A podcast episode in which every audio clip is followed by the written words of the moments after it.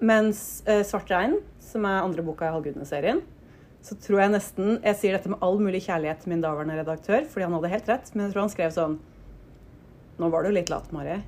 Nå var du ikke Skulle du prøvd en, skulle du prøvd en gang til, kanskje? Vi er vel begge enige om, hvis vi skal være ærlige med hverandre, på at her har du tatt noen snarveier, da.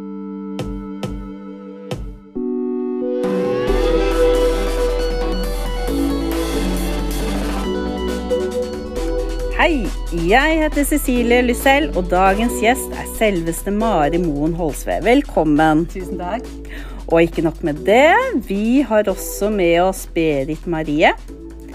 Du er 15 og går på Forfatterskolen.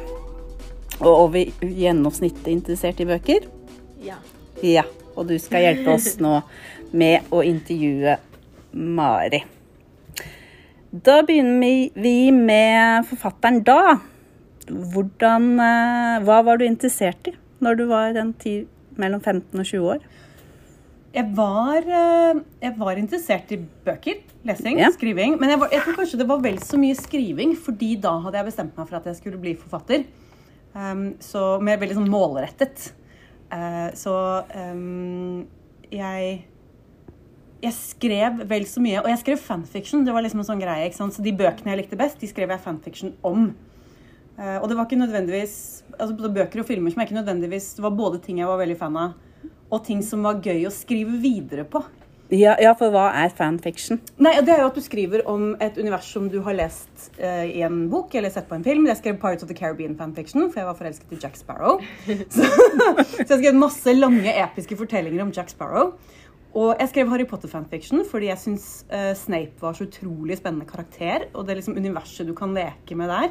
Så, mm, så jeg mener jo liksom 100% at jeg utviklet min skrivestemme ved å skrive fanfiction. Så det var en stor del av den perioden, vil jeg si. Mm. Ja. Mm.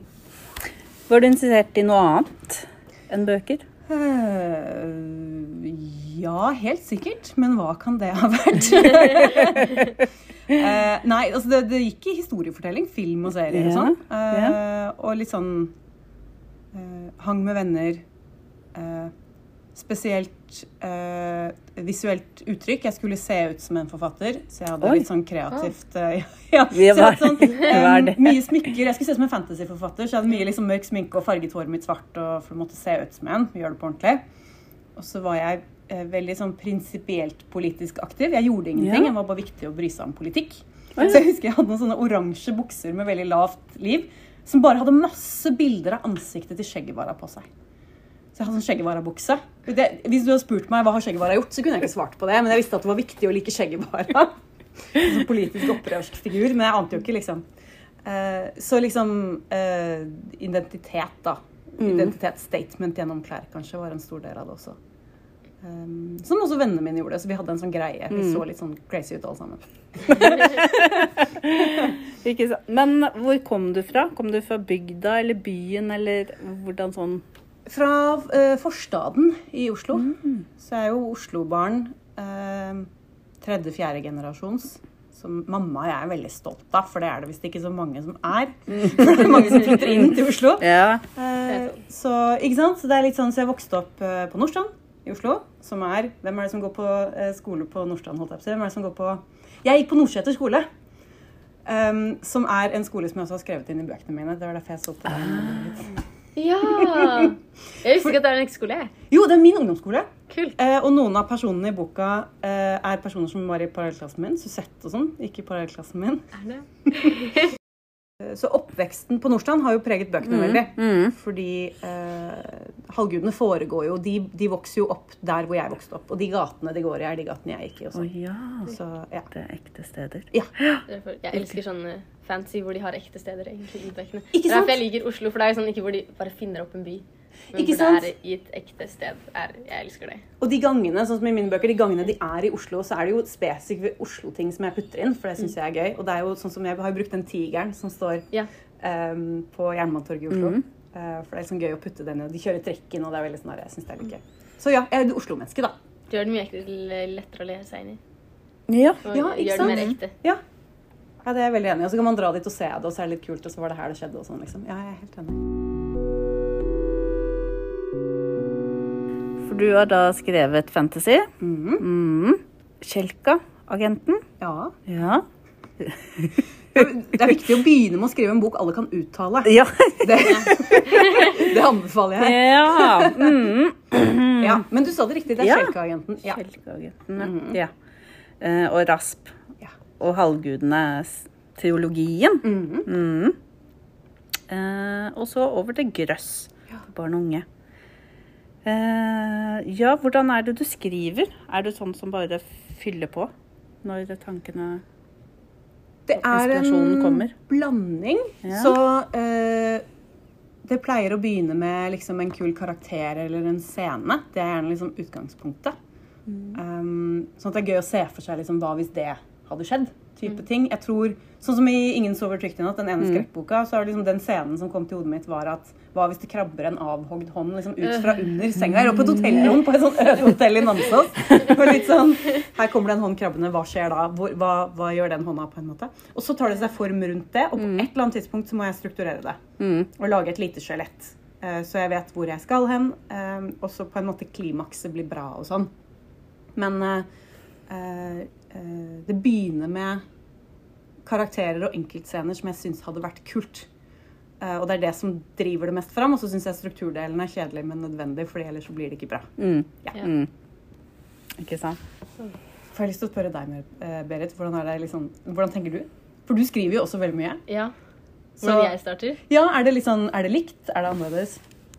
Mm, jeg, jeg vet ikke. Jeg får bare sånn inspirasjon fra ting jeg ser dagligdags. Ja. Det er liksom bare Hvis jeg hører noen si en setning som bare OK, det var litt, det var litt spesielt, så kan jeg liksom basere en hel Så jeg, kommer, og så kommer jeg liksom til et plott fra setningen.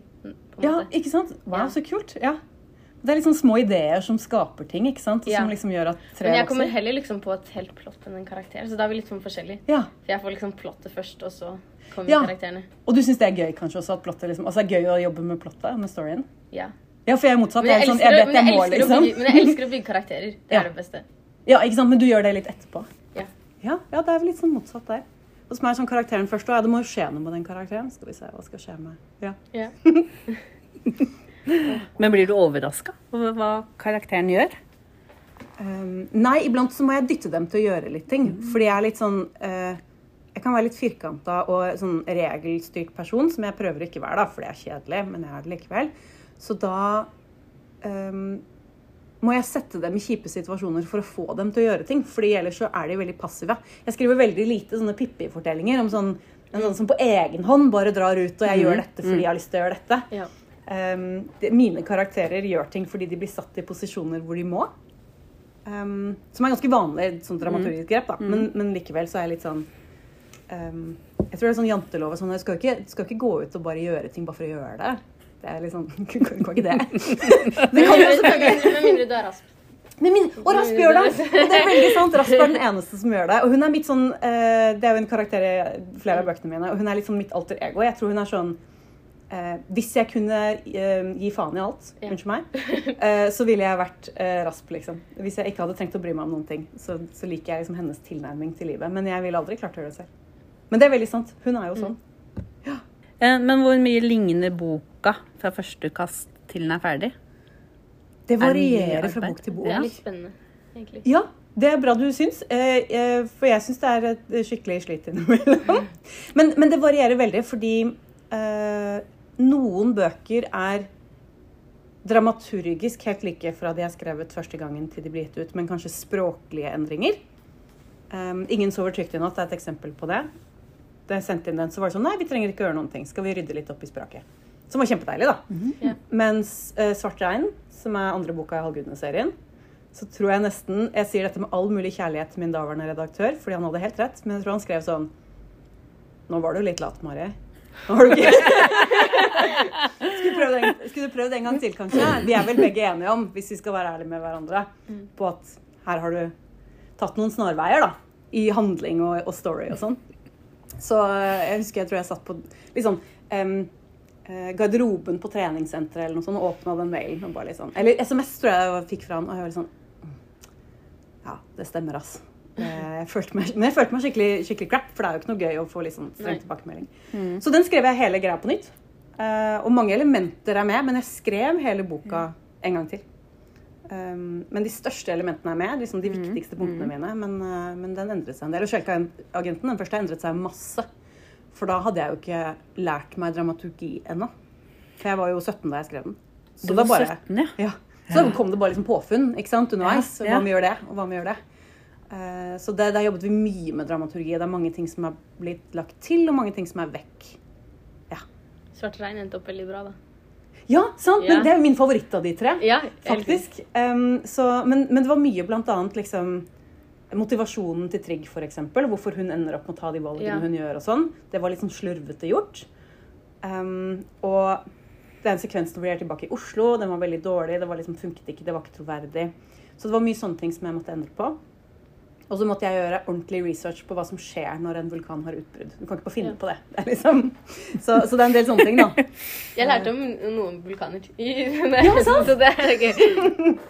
Vi har jo en, en naturfagslærer i boka som forteller deg noen ting. Og det er en venn av meg som er naturfagslærer. Som er oppkalt, karakteren er oppkalt etter også, da. Som, eh, som liksom forklarte det for meg. Så ja. Så man må gjøre do your research, er på en måte leksa jeg lærte der. Ikke lov å ljuge. Nei, og du, og du skal jo ljuge også, det er en fantasybok, Ja, men du ja. skal liksom du skal vite når du skal ta på alvor at du må gjøre jobben, da. Mm. Um, og sånn som en vulkan er en vulkan, i hvert fall i det tilfellet her. Uh, du kan lage en magisk vulkan som liksom oppfører seg helt annerledes, men da må det funke. Mhm. Så ja. Men det passa veldig inn at det var en vulkan som på en måte hadde vitenskapelig Ja, et vitenskapelig utbrudd, da, på en måte, ikke magisk, siden de hadde, de hadde jo kjennskap til det magiske, men ikke på en måte det vitenskapelige. Ikke sant? Så det det blir omvendt. Ja. Og jeg blir så glad for at vi liksom har sett det og tenkt det. Det er så koselig, for det er jo liksom nettopp det at de vet jo ikke hva det er. De aner jo ikke. De har liksom aldri, aldri opplevd det. Så, så da er det litt sånn Og så er det gøy at den type utbrudd fins i virkeligheten, istedenfor at jeg finner det på. Apropos at det er liksom gøy å putte inn ekte ting. Har du noen spørsmål til en forfatter? Mm, om halvgudene, da. Ja. Fordi eh, navnet som Dina og de tror egentlig er moren sitt navn, som Mina Marie Halvorsen, er det inspirert av ditt navn? Jeg tenkte på det når jeg leste boken igjen. Ja, og det er jo eh, Ikke sant? For det er jo en mor som ikke er noe særlig til stede, og du får bare høre det liksom lange navnet hennes en kort stund, en gang eller sånn, tror jeg. En eller to ganger. Um, men ja, det er helt riktig. Det er, eh, det er likt mitt navn med vilje. Fordi det er eh, Ja, litt sånn at det er jeg som er eh, på en måte mammaen deres, egentlig. For det er jeg som har laget dem. Så da um, så det, var gøy, det er gøy å snike inn sånne ting. ikke sant? Yeah. Sånn som vi snakker om at du låner navn av folk du kjenner, og uh, plasserer deg selv litt inn i boka innimellom. Um, du gjør sånne småting uh, som den uh, ekstra nøye leser legger merke til. så kan en bli sånn ekstra glad ikke sant? når du har sett det. litt sånne ting, Så får man sånne eh, bonusopplevelser rundt det. Det er veldig veldig gøy. Så ja, Det er bare å snike inn ting i tekstene du skriver, Berit, og så Ja. se om folk catcher det. Det er det som er gøy med å lese ting flere ganger også, for du oppdager ting du ikke så forrige gang. Ja, ikke sånn. sant? Mm. Og det er gøy med de forfatterne som putter inn litt sånn ekstra greier, Synes For å jeg. finne ut av, på en måte. Ja, Ja. sant? Og liksom de, de litt mer sånn ivrige eller mer nøye leserne ser det, liksom. Ja. Mm. Det er gøy. Men hvem er det som er leseren din? Hvem er det som leser bøkene dine? Det interessante er at det har forskjøvet seg litt. For da jeg skrev 'Halvgudene', og den er jo over ti år gammel, den første, um, så var det ungdomsskoleelever. Mm. Eh, og det er fortsatt det, men leserne sånn tematisk er eh, raskere, modne og kjappe på temat altså, ja, tematisk enn før. Så både 'Halvgudene' og 'Ingen sover trygt i natt', uh, som jeg før ville tenkt som ungdomsskolebøker, leses like mye på 5., 6. og 7. trinn. Eh, og syvåringer hører på 'Halvgudene'-lydboka innimellom, som jeg syns er det en velutviklet syvåring Ja, tenker jeg. ja. Men det er veldig kult, da. Ja. Så jeg synes det er interessant den diskusjonen om lesing og hvor det er på vei. Så er det i hvert fall tematisk Er de modne og kjappe på tekst? Um, så mens jeg alltid siktet halvgudene mot Og det er jo gitt ut som ungdomsbøker. Mm. Men når de blir gitt ut på nytt, så blir de gitt ut som mellomtrinnsbøker. Så det syns jeg er litt sånn morsomt. Så man Ja. må, det, det skjer noe med, med leserne der. Men, men det leses så mye på ungdomsskolen nå, altså, fortsatt. Ja, så det er liksom, ja. men, ja. Jeg leste de vel for sånn fire-fem år siden, så jeg gikk i sjette klasse. Ikke sant? Ja. I rest my case. Ja. eh, men jeg syns jo fortsatt de er på en måte Jeg skjønner at de kan passe for begge deler. på en måte. Ja, og det er jo noen tematiske ting som er ganske voksne der. Ja. Um, og Noe språkbruk, kanskje. Noe språkbruk. Ja. Jeg tror det var den første boken jeg leste med banning. ja, Jeg ikke sant? faktisk eh, Ja. Litt språkbruk. eh, Men det er ikke så veldig mye. Men det var bare, jeg husker at jeg tenkte over det, for det var første gang jeg leste det. på en måte. Ikke sant? Eh, og, det, og det er jo litt banning, og det er liksom ikke tilfeldig. Og det er jo eh, eh, Trigg som banner og sånn. Det er litt sånn spesifikt. Men, ehm, men det er jo også eh, Jeg har blitt tatt en gang av Eller blitt påpekt av en far og en sønn som hadde hørt på lydbøkene, som påpekte at forholdet mellom Trigg og Eld er veldig problematisk. Fordi Eld er sånn typ 19, og Trigg er 13. Så det er ganske stor aldersforskjell i den perioden. Og at de var litt sånn en 19-åring som hm, Nei, det, det likte de ikke. Og de var egentlig litt enige. Jeg tror ikke jeg ville skrevet det i dag. Det er det eneste jeg har gjort også, faktisk. i bøkene. Jeg, har- reagert på den da jeg leste det. Det er jo spesielt, men jeg, Jeg prøvde, det ignorere, da. jeg prøvde å ignorere alderen alltid. og bare Ja, tenke på på Jeg innbilte meg at han var yngre. Ja. Jo, men, jo, men han burde vært det. Og hadde jeg gjort det igjen i dag, så ville han vært maks 15. ikke sant? Ja. Uh, men jeg tenkte ikke over det da. Mens nå er det synes jeg jo liksom, jeg er helt enig. Det er ikke tvil om at det er problematisk. Han er yngre. Ja. Vi må egentlig bare bytte ut. Han er 15, han er ikke 19, liksom. Ja. Det, ja. Så det er litt sånne ting, da. Som jeg tenker at det er liksom, ja. Sikter mer mot eldre. Men det, men det skulle ikke stått der uansett, tenker jeg. Nei. det burde vi egentlig gjøre om på. Jeg tror jeg skal snakke med forlaget mitt og bytte alderen hans. Nei da. Vi får se. Eh, ja, for tenker du på alderen til leserne? Tenker du på spesifikk alder når du skriver, eller? eh? Nei, Nei. ikke egentlig. Um, det er mer sånn at man blir klar over uh, mer tematikk enn språk. Mm. At dette uh, passer seg ikke til en uh, syvåring. Det er for ekkelt Mm, eller for alvorlig. type ting. Men ellers så tror jeg bare det liksom alltid har kommet veldig At de tekstene jeg skriver, treffer Mm. innenfor et vindu på liksom 11-15 år ish. Ja. Første gang man leser liksom nesten av seg selv uten at jeg tenker over det. Og så litt opp og litt ned, men det har jeg liksom ikke eh, noensinne tenkt over. Det bare lander der. Og da, da tenker jeg at da er det en Da har man på en måte funnet formen sin, og så treffer den ganske greit hver gang, og da er det fint. Ja. Eh, Jeg syns det er supervanskelig å prøve å skrive for yngre. Jeg skriver jo for sommerles, og da må jeg treffe bredere. Skal egentlig treffe første til syvende trinn. Det går jo ikke helt, men du skal prøve. Mm. Og da syns jeg umiddelbart, hvis jeg prøver å skrive til yngre, at jeg skriver sånn, sånn barnslig og sånn dumt, som om jeg tror at de ikke kan lese, hvis du skjønner. Så gikk de dit og spiste kake. Altså, det, ikke sant? det går ikke. Jeg, blir sånn, jeg mister ehm, skarpheten i språket mitt hvis jeg prøver å skrive for yngre. For yngre, ja. Men jeg skjønner det var en vanskelig jobb. Jeg har jo lest sommerles fra første til syvende. Mm. Ja, liksom liksom ikke sant? Så jeg, jeg skjønner at det kan være vanskelig. Ja, for du vil jo at det skal være spennende nok. Mm. Men så skal det ikke være skummelt for seksåringene. Ja. Så det er For det er liksom veldig stor forskjell på en førsteklassing og en syvendeklassing. kjempestor forskjell, ikke Så- sant? Ja. Så ofte så havner vi litt sånn midt på da, på sommerles, at det treffer liksom i midten. Ja. At det blir litt barnslig for de eldste og litt vanskelig for de yngste, og så treffer vi liksom tredje til femte, kanskje. Tredje til Ja. sjette ish. Ja. Hva tenker du kjennetegner en UV-bok? Altså ung voksen, eller YA, som vi sier i America. Um, ja, fordi det jeg syns Det jeg kjenner umiddelbart syns er interessant med UV Young Adult, er at jeg syns ikke vi har fått det til i Norge ennå. Selv om det ikke står på forfatterne som gjør jobben, men det er et eller annet som ikke funker ennå. Mens jeg er ikke i tvil om når jeg leser en god Young Adult-bok, som er en krembok, og som er liksom Og som også treffer målgruppa. Mm. Um, men jeg, jeg vet ikke hvorfor vi ikke har fått det til i Norge ennå. Da får jeg lyst til å se på Berit, om du har liksom tanker om det. For du er nærmere Du er jo målgruppa, det er jo ikke jeg. Ja. Nei, jeg er litt enig. Det er ikke så veldig mange norske bøker som er Du kan på en måte lese noen som er akkurat på din aldersgruppe, men liksom ikke treffer litt over. Eller på en Ikke måte Og så kan man lese noen som er litt for litt yngre, som fortsatt på en måte funker. Mm. Men uh, jeg har ikke lest sånn ikke jeg vil, Noe jeg ville kalt nesten UV-sjanger. Ikke Helt- sant? Og liksom, vi har jo ikke en norsk versjon av John Green-opplevelsen. Um, som er liksom uh, Faen ta skjebnen, Fault in Our Stars-forfatteren. uh, som jeg syns er veldig flink, og som jeg syns skriver bøker som gjør at du ikke føle at det er en voksen som prøver å være kul ungdom. Ja. Som er ja. liksom fella man går i.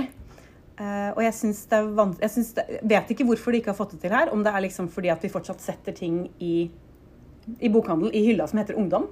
Mm. Og så er det ingen som har lyst til å gå dit når man har bikka 14-15, fordi det er liksom Den er jo rett ved sånn- siden av barn. Det er rett ved siden av barnehylla Ja. fort vekk, og den kan virke litt sånn barnslig og som at den ikke Nå, nå er jeg, gjetter jeg, Berit, det kan at jeg tar feil, altså, men, ehm, men at det oppleves som at um, at man fortsatt blir satt litt sånn i barnehylla.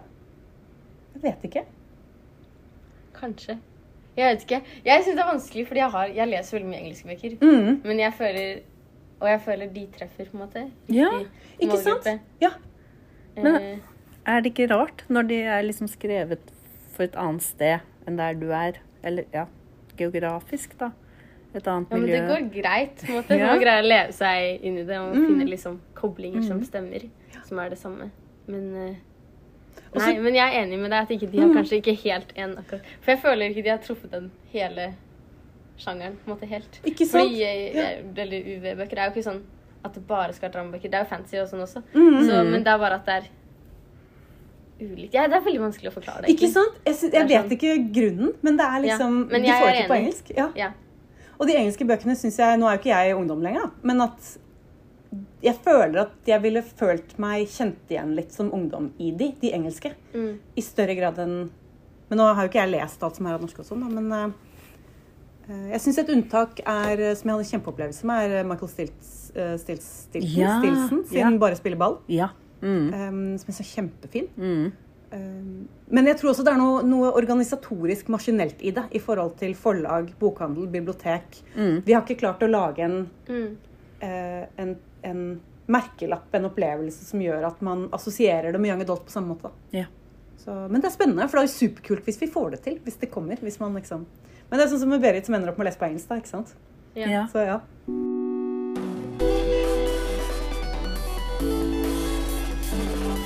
Vi har bedt deg, Mari, Mhm. om å rangere de tre beste bøkene du leste når du var ungdom. Ja. Ish.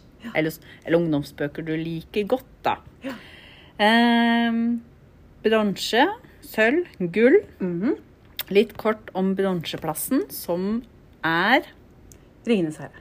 Ja. Ja. Og jeg syns jo det er gøy, det slår meg når vi sier at vi skal liksom Bøkene jeg leste i ungdomsårene, er jo i stor grad ikke ment på ungdom. De er ofte ment til eldre eller yngre, innså jeg nå. Oh. Men eh, ja, altså Ja. Ringenes herre er jo skrevet for voksne. Mm, Men, ja. den, men de leses jo veldig av Det er jo veldig typisk at ehm, veldig mange bøker eh, leses jo helt uavhengig av alders ehm, mente målgruppe, Ja, særlig fantasy. ja. Og 'Ringenes herre' var jo sånn studentbibel og sånn, så det er jo liksom Eh, Men ja, den leste jeg utallige ganger. Eh, både på slutten av ungdomsskolen og på videregående. Og det sammenfalt jo med at filmene kom. ja. Eh, Så det var veldig viktig for meg at jeg var en av de som hadde lest bøkene. Ikke på en gang, mange ganger før filmene kom. Jeg visste hva det var før alle andre visste hva det var. Og jeg tror det var første store møte med sånn episk fantasy. Hvor du kan liksom bare Jeg tror verdensbyggingen fascinerte, fascinerte meg veldig. Den størrelsen på universet. Um, så eh, Ja. Og så mm, er det nok ting ved det i dag som jeg Jeg, jeg ville jo redaksjonelt eh, gått gjennom den med en hard hånd hvis det var meg i dag osv. Den er jo, bærer jo preg av når den har blitt gitt ut og sånn, Ja. og det er mye, mye man kan si om det. Men, eh, men som et møte med eh, hva som lar seg gjøre, hva man kan gjøre med et fantasyunivers, og hva man kan gjøre med en historie, eh, så står 'Ringenes herre' veldig veldig sterkt. Og jeg ble sånn utklippsbok, eh, gå med ringen-type fan. Så gjorde det på ordentlig. Er det viktig å, se, å lese boka før man ser filmen? Ikke som en regel, men Nei. jeg syns det er en klok, altså en fin ting å gjøre. Um, og så var det litt sånn som Berit og jeg snakket om i stad, at det er ikke alltid det er tid. Nei. Uh, og det er ikke alltid vi vet at det vi ser, er basert på en bok heller. Så det er liksom Mm. Det kan være liksom begge deler, men um, Men jeg syns også at du kan få veldig mye av å lese boka etterpå. Ja. At det er liksom ikke noen regel at da har du gjort det feil. For det er jo tvert imot er flott at du leser boka. Du kan lese den etterpå hvis du vil. Uh, og få en del bonuser, liksom, som du ikke fikk i filmen. Ja. ja. Er filmen eller boka best? Sånn. Nei, det er jo umulig å svare på, Ja. syns jeg. Det er, vi kan heller snakke om er det en god filmatisering. Ja. Fordi eh, det er to forskjellige medium, så det blir liksom umulig å si. Jeg syns jo da 'Ringenes herre'-filmene kom, at det var en god filmatisering av 'Ringenes herre'. Vi skal ikke snakke om 'Hobbiten', Nei. for det er, der er det annerledes, hvis du spør meg. Men, um, men jeg syns 'Ringenes herre' var godt filmatisert. Jeg syns 'Harry Potter' jevnt over er godt filmatisert. Um, ja. Percy Jackson er helt elendig Percy Jackson er elendig filmatisert. Eh, så var det å ta en tredje. Virkelig. Var- ja. enig. Ja. Mm. Det er faktisk veldig veldig sant. Og 'Ringenes herre' også har jo vært elendig filmatisert da det var tegnefilm på 70-tallet. Så, så sånn gammel, grusom eh, lavbudsjett-tegnefilm av et mesterverk, det går jo ikke, liksom. Så. For da er de tro mot boka, da. Ja, og om ikke du følger historien til punkt og prikke, for det går ikke, for det er ikke plass, så klarer du å gjenskape essensen, og du klarer å fortelle den riktige historien, og du har tolket karakterene riktig. Litt sånn type ting. Og så gjør du det visuelle justice på en måte. ikke sant? At Ja. du får den riktige visuelle opplevelsen i forhold til det du leste. Da kan vi gå til sølv, da. Ja! Apropos visuelt. med en gang. Ja, apropos visuelt. Um, og det er litt sneaky, for det er en tegneserie som først ble utgitt som hefter. Men den er samlet i bokform, så da er det jo på en måte en bok. Uh, og den, den um, er jo tilgjengelig som bok nå, først og fremst. Og det er jo Valhall-tegneserien til Peter Madsen. Ja. Fordi uh, um, disse andre jeg nevnte nå, er skuespillere. Ja, ja. Denne feilen gjør jeg alltid. Peter Madsen. Mm. Uh, og han har illustratørene, altså han har jo tekstforfattere med. litt ulike tekstforfattere. Men det er jo um, en uh, saga av hele den norrøne mytologien i tegneserieform, med ispedd en del humor. Men han personifiserte Thor og Odin og Loke og sånn for meg, og ga dem ansikter for meg. Jeg syns det var helt fabelaktig. Og igjen så er det bare sånn historiefortelling på et helt utrolig unikt nivå. Kjempeflotte tegninger, særlig etter hvert. Når han blir god, så blir det kjempefint. Um, og det er jo en av man kan ofte telle Jeg kan telle på sånn Ja, det må kanskje opp i to hender, da, men, men hvor mange ganger jeg har grått av en bok. Og Valhall gråt jeg av. Uh, ja, jeg syns det var kjemperørende og veldig sånn sterkt. Og sånn, det, er noen, det er noen historier om tap der som jeg syns var helt sånn hjerteskjærende. Så, så den er helt fabelaktig. Det er sånn som jeg leser jevnlig på nytt. Ja. A til Å, liksom. Det, og jeg er jo veldig glad i norrøn mytologi, da. Det har jeg jo alltid vært. Ja. Så det, det hjelper jo. Ja, det er så kult. Ja. Jeg ble så lykkelig når liksom Marvel filmatiserte det, og at det ble kult. For det var jo ikke noe garanti i det hele tatt, men det var en veldig kul tolkning. Mm. Så det var veldig tøft. Og så er det jo verdt å nevne at jeg har jo vokst opp med Tor Åge Bringsvær sin gudelærebøker også, som var liksom aller første møte med Ja. det. Så det har liksom vært med hele veien. ja, ikke sant. Jeg må bare nevne veldig fort, siden Ja, vi snakker ja. om det. Fordi eh, Berit Marie vet at jeg er glad i mytologi, fordi det har jeg i mine bøker. Mm -hmm. uh, og jeg har jo liksom typ uh, 77 guder i halvgudene. Og de er jo veldig inspirert av norrøne og greske guder. Og den stilen de er, de norrøne gudene, er jo veldig feilbarlige. De drikker og er utro. De gjør veldig sånn kjipe ting. Ja. Mine også er jo sånn. De er jo veldig kjipe. så det er veldig inspirert av det. Og en del av navnene også er litt sånn litt norrøne i stilen. Så, så det er litt sånn tatt mytologien rett inn i Og sammenlest, da. Ikke minst. Ikke minst Ja. sammenlest. Ja. Hvor det er liksom Loke og Odin og sånn faktisk er med. Det er sant. Ja. Det er veldig sant. Mm. Men på førsteplass, hva har du der? På førsteplass har jeg um, Vi kan jo si at det er trilogien, men hvis jeg skal Ja. velge én, så er det jo altså Det er jo um, Philip Pullman Mm. sin uh, Mørke materien-trilogi. Med kanskje hovedfokus på Det gylne kompasset, hvis vi skal velge én av de tre. Men det er eh, tortur å bli bedt om å velge en, egentlig. Fordi de er så utrolig fine, alle tre. Ja. Um, og det var en stor, stor, stor leseopplevelse. Um, første året på videregående, tror jeg det var. Og 'Ringenes herre' ga den der liksom eventyrfølelsen i fantasy. Den der reisen, there and back again. Og liksom. Men Philip Pullman gjør det politisk og gjør det um, sosialt og religiøst og liksom bringer samfunnet inn i det på en helt liksom sånn uh, fryktinngytende måte. Som er veldig, veldig, veldig kult. Um, så det var han som viste meg liksom, hvordan fantasy kan skildre samfunnet og verden og problemstillinger, og hvor alvorlig det er. liksom. Uh, det er ikke bare uh, Fairyland-type ting. Så 'Ringenes herre' er litt mer sånn eventyraktig. Yeah. Mens uh, Philip Holmen er jo en verden som ligner vår egen. Og veldig mange andre som er varianter av vår egen. Og den er jo kjempeflott og skarp og ubehagelig. Og også grått, da. Selvfølgelig. Yes. jeg gråt av uh, treeren, tror jeg det var jeg gråt. Ja. Mm. Gråt av 'Ringenes herre' også, forresten. Men da var Du, jeg du, du gjorde det, ja? Ja, toeren. Slutten av eh, bok to. Altså bind nummer to. To tårn. To tårn, ja. ja. Mm, Så vi har eh, eh, liksom tåre, tårevåte bøker liggende her. For min del, ja. Ja, ikke sant? Men har påvirka deg som leser, da? Ja. Ja. Um, det er jo tre av de verkene som har gjort meg mest glad i fantasy og mytologi. Og hvis ikke det hadde vært for Valhall, så ville jeg ikke lest American Gods av Neil Gaiman. ehm, type ting. Uh, og Ringenes herre er liksom springbrettet, men etter det så er det liksom vei videre inn i veldig mye forskjellige måter å skrive fantasy på, da, som jeg syns er veldig veldig gøy. Og jeg har jo masse, det er jo masse sosialt og politisk i mine òg, ikke sant? Som er liksom veldig sånn Pullman-inspirert. At jeg syns det er gøy å putte politikken inn i fantasy-universet. Mer enn jeg syns det er i Ringenes herre, kanskje. Det er det på en måte gode måte onde. Og det onde er veldig vondt.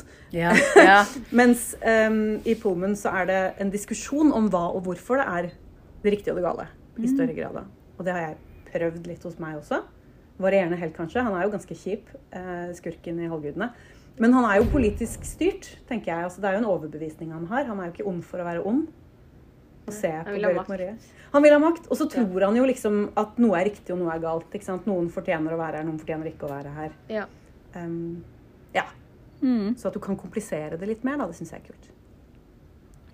Har du lest uh, Pil Pullman?